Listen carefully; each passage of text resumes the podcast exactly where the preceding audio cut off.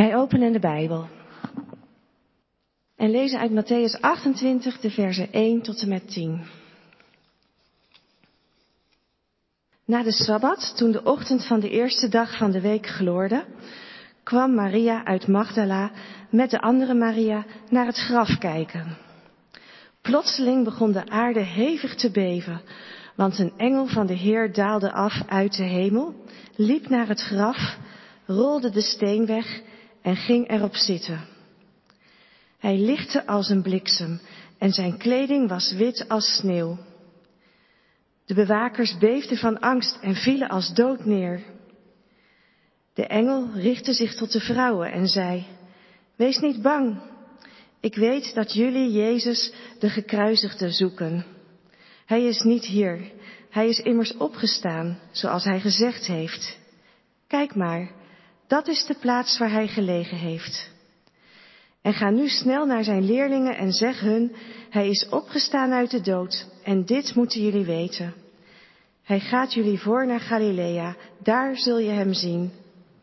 Dat is wat ik jullie te zeggen had.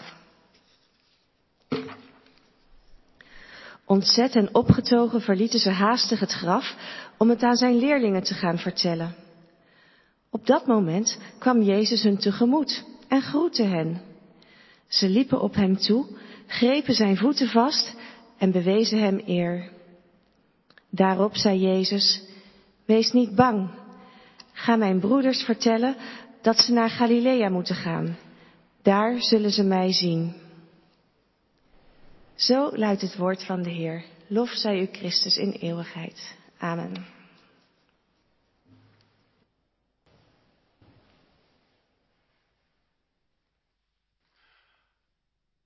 Gemeente van onze Heer Jezus Christus, u thuis en u hier in de kerk. Wij vieren vandaag Pasen. Ik kreeg van gemeentelid Jaap Ruis een mail met een bijzonder verhaal en met zijn toestemming lees ik dat vanmorgen aan u voor. Het kan 1989 geweest zijn, maar het precieze jaartal is eigenlijk niet zo belangrijk. In de zomer van dat jaar gaan wij op vakantie in Duitsland naar een camping aan de rivier de Main in de buurt van Würzburg. Het is warm op de reis er naartoe en zoals altijd heb ik de laatste dagen voor het op weg gaan veel werk gehad om mijn werkzaamheden goed af te ronden. Ik ben voor de zoveelste keer vergeten dat ik mij na eerdere vakanties voorgenomen had die laatste dagen anders in te gaan richten. Door eerder te beginnen met afronden van het werk. Mijn vrouw en gezin leidt eronder dat ik de laatste dagen voor de vakantie gespannener ben dan anders. Ik ben al jaren depressief en nog onkundig van het feit dat ik autistisch ben.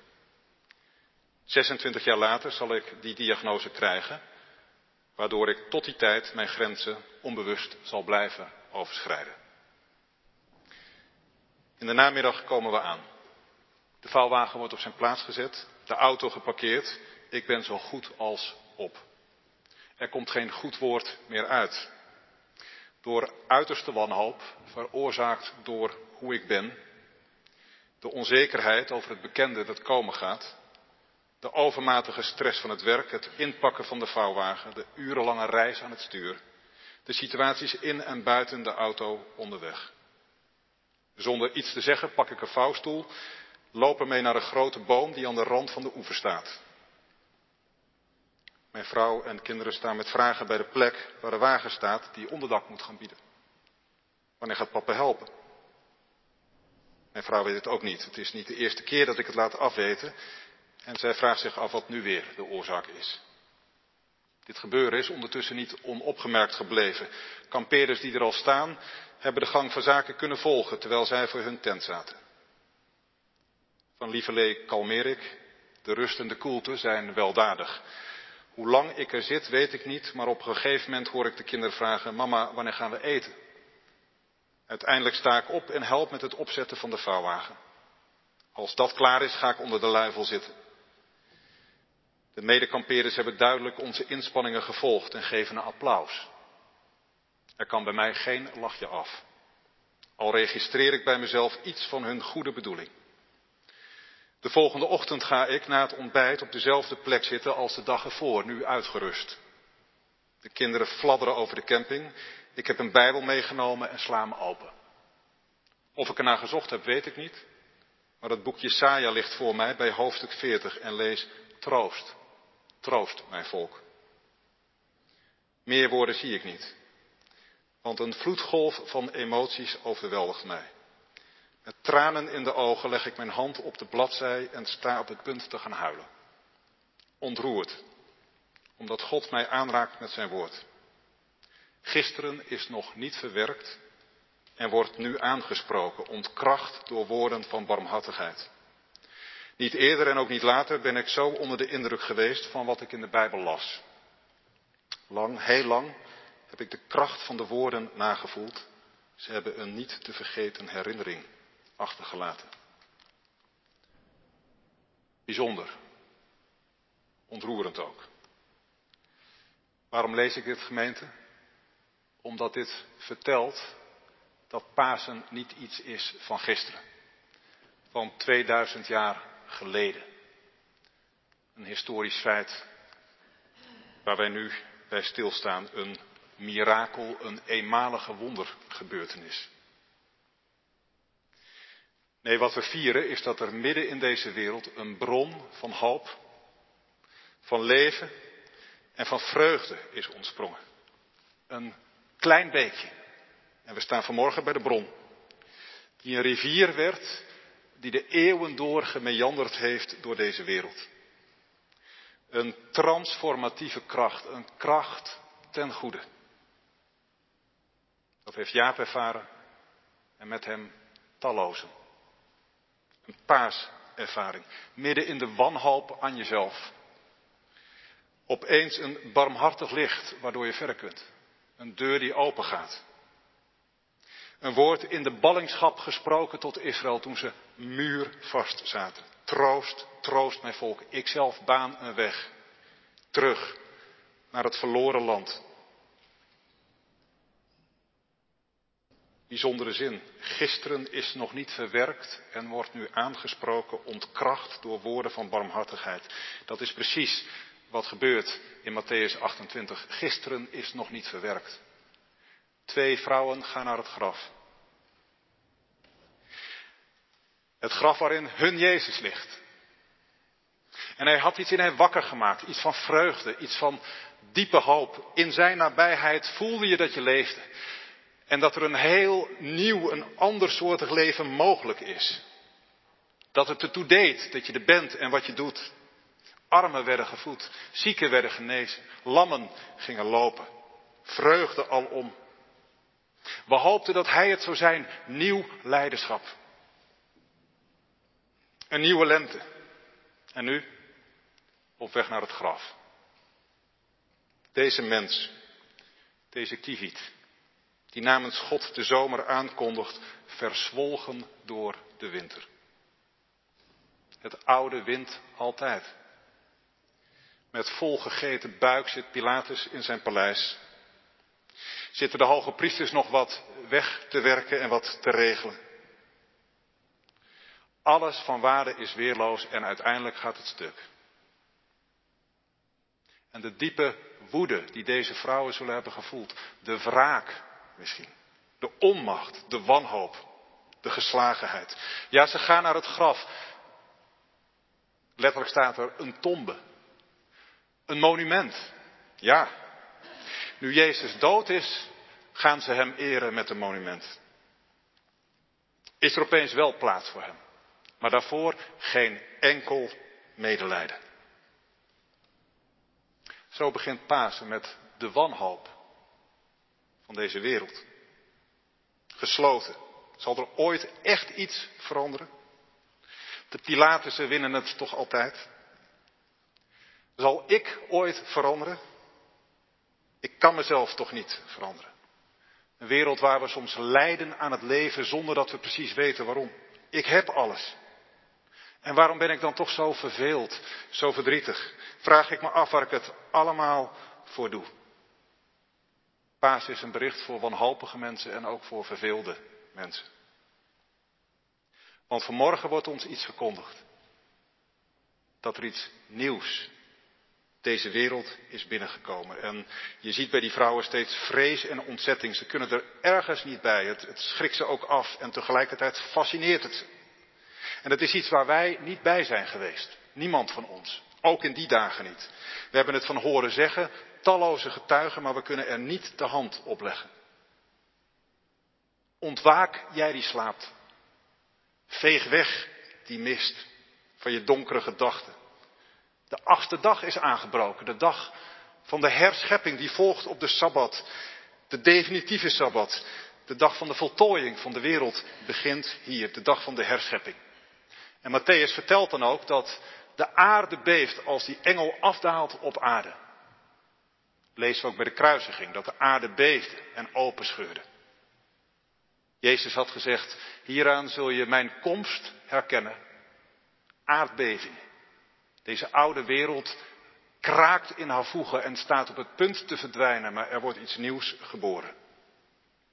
Dat zien we hier.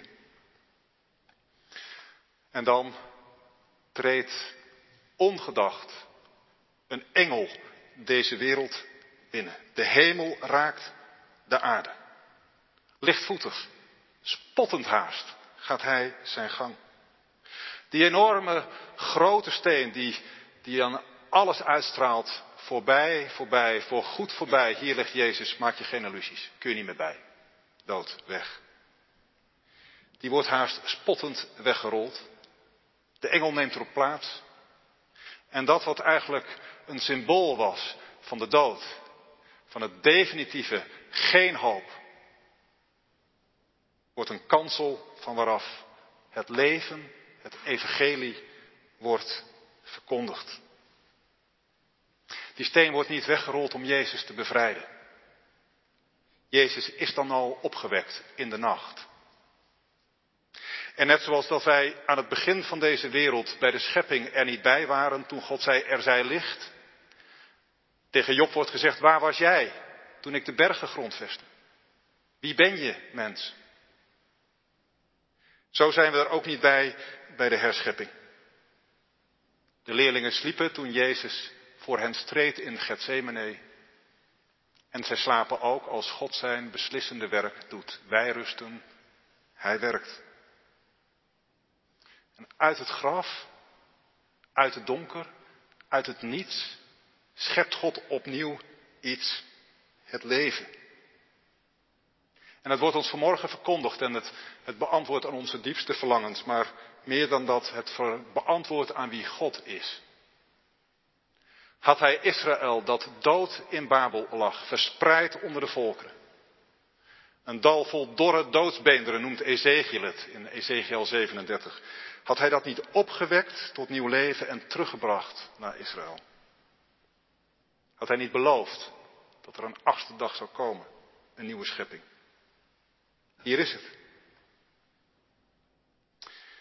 De grafsteen, die getuigt van de dood, wordt een preekstoel van waar het leven wordt verkondigd.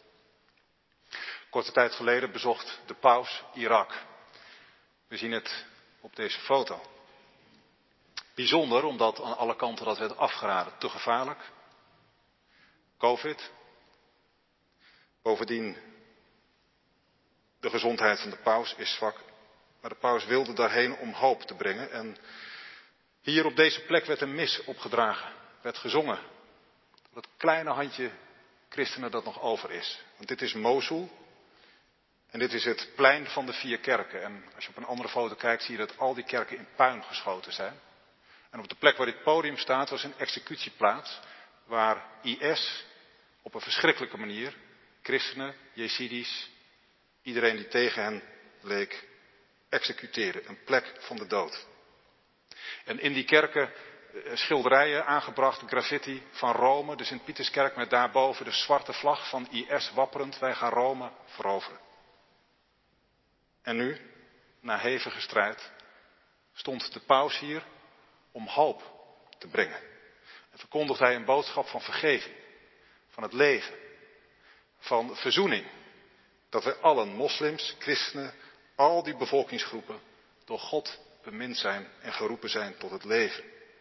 Dit is voor mij Een beeld van Pasen. Midden in de vernieling klinken woorden die hoop geven. En dat is de kunst, dat je Pasen als het ware gaat zien. Dat je er oog voor krijgt. Dat je, dat je het ook in je eigen leven gaat zien. Die soldaten, waar je doodsbang voor was, lezen we. Die Romeinse soldaten bij het graf. Opeens blijken ze zo verschrikkelijk armzalig in dat licht van God. Van die engel. Een en al leven zijn ze, kracht, power, macht. Maar in het licht van Pasen zijn ze als dood. Ze vallen als dood neer. De dode wordt opgewekt en de levenden blijken eigenlijk al dood. Alles waar hun uniform voor staat, staat onder het oordeel. En dat is Pasen ook, dat er een oordeel al plaatsvindt, een soort scheiding.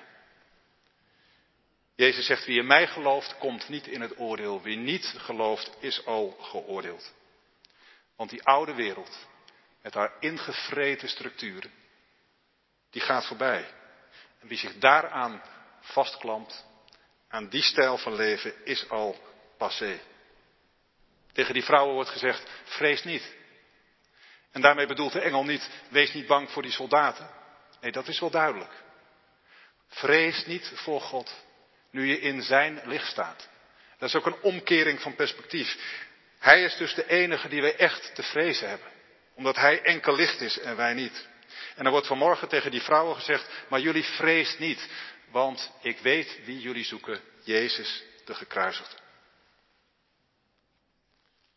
Dat geeft hoop. Hoop om niet cynisch te worden. Een andere foto uit het nieuws. Zuster Anne Rose Nutang in Myanmar. Iconisch beeld dit. Het leger dat klaar staat om op demonstranten te schieten in Myanmar. En deze zuster die knielt voor die uniformen en bad, doe het niet. En als je het moet doen, schiet mij dan dood, maar niet de kinderen. En later werd ze geïnterviewd en ze vertelde dat die soldaten zeiden, ja maar wij moeten ook onze plicht doen, we ontkomen er niet aan. Maar dat ze zich toch even terugtrokken. Even. Want later kwamen ze terug om alsnog hun werk te doen. Maar dit is Pasen. De moed om anders te gaan zien. Die machten uiteindelijk. Ze hebben niet het laatste woord. Ze zijn overwonnen. En de moed om daaruit te leven. Troost, troost mijn volk. Ik weet dat jullie Jezus zoeken, zegt de engel. Wat is dat toch adembenemend wat hier gezegd wordt. Ik weet het. De hemel ziet het, die twee vrouwen in hun verdriet. De hemel is om u bewogen. Hij is hier niet. Hij is opgewekt, zoals hij gezegd heeft. Het klinkt zo volstrekt vanzelfsprekend. Natuurlijk is hij hier niet. Hij had het toch gezegd. Met andere woorden, je kunt hem vertrouwen. Maar wij bezoeken, en wat is het moeilijk om op die woorden echt te vertrouwen. Dat je zomaar misschien opeens denkt, dood is dood. Waarom eigenlijk dit alles? Ik geloof de opstanding van de doden en toch, en toch steeds dat stemmetje, die angst. Draaien we onszelf niet iets voor ogen? Hinken we niet steeds op twee gedachten? Hij is hier niet. Ik weet wie jullie zoeken. God ziet ons tasten, God ziet ons zoeken. En hij laat ons niet alleen. En wat een zegen ook vanmorgen dat die engel ons dat eigenlijk vertelt. God kent je. Hij ziet je. Als je vastzit. Muur vast. In je karakter, in je ziekte, in je verleden. Die steen die op je drukt. Vrees niet, klinkt het. Want er is een werkelijkheid om je heen. En durf dat te zien. Een beweging die gaande is.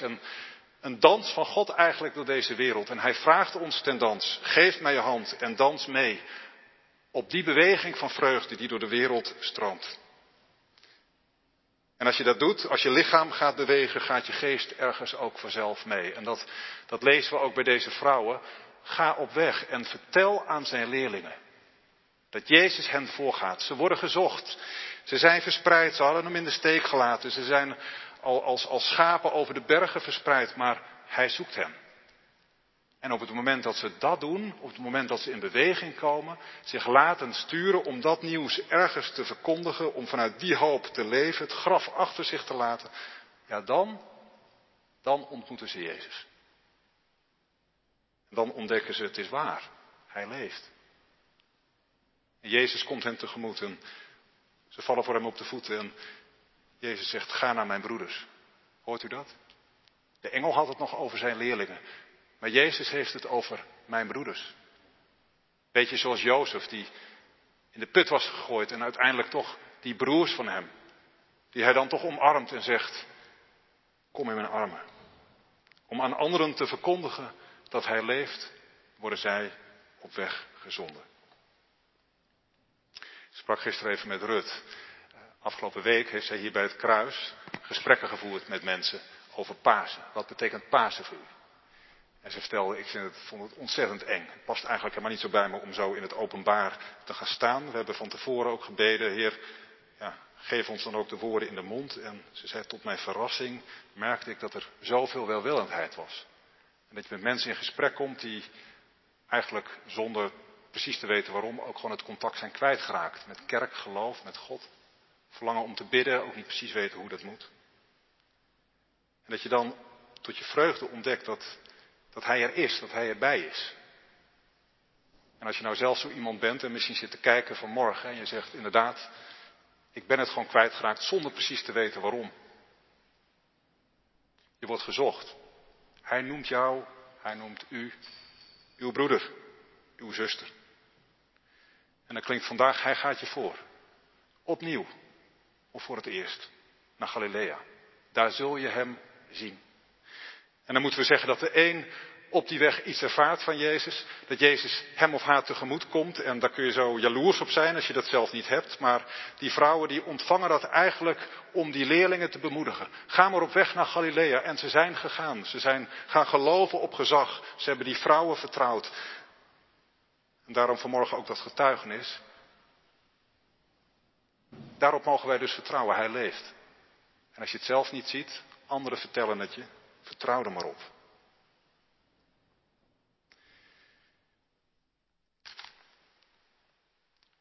Wij mogen vanuit dat geloof deze nieuwe week binnengaan. Hij gaat ons voor. Door deze gebroken wereld heen trekt Hij een spoor. En de dag komt dat wij Hem zullen zien. Van aangezicht tot aangezicht. Lof zij u Christus in de eeuwen der eeuwen. Halleluja. Amen.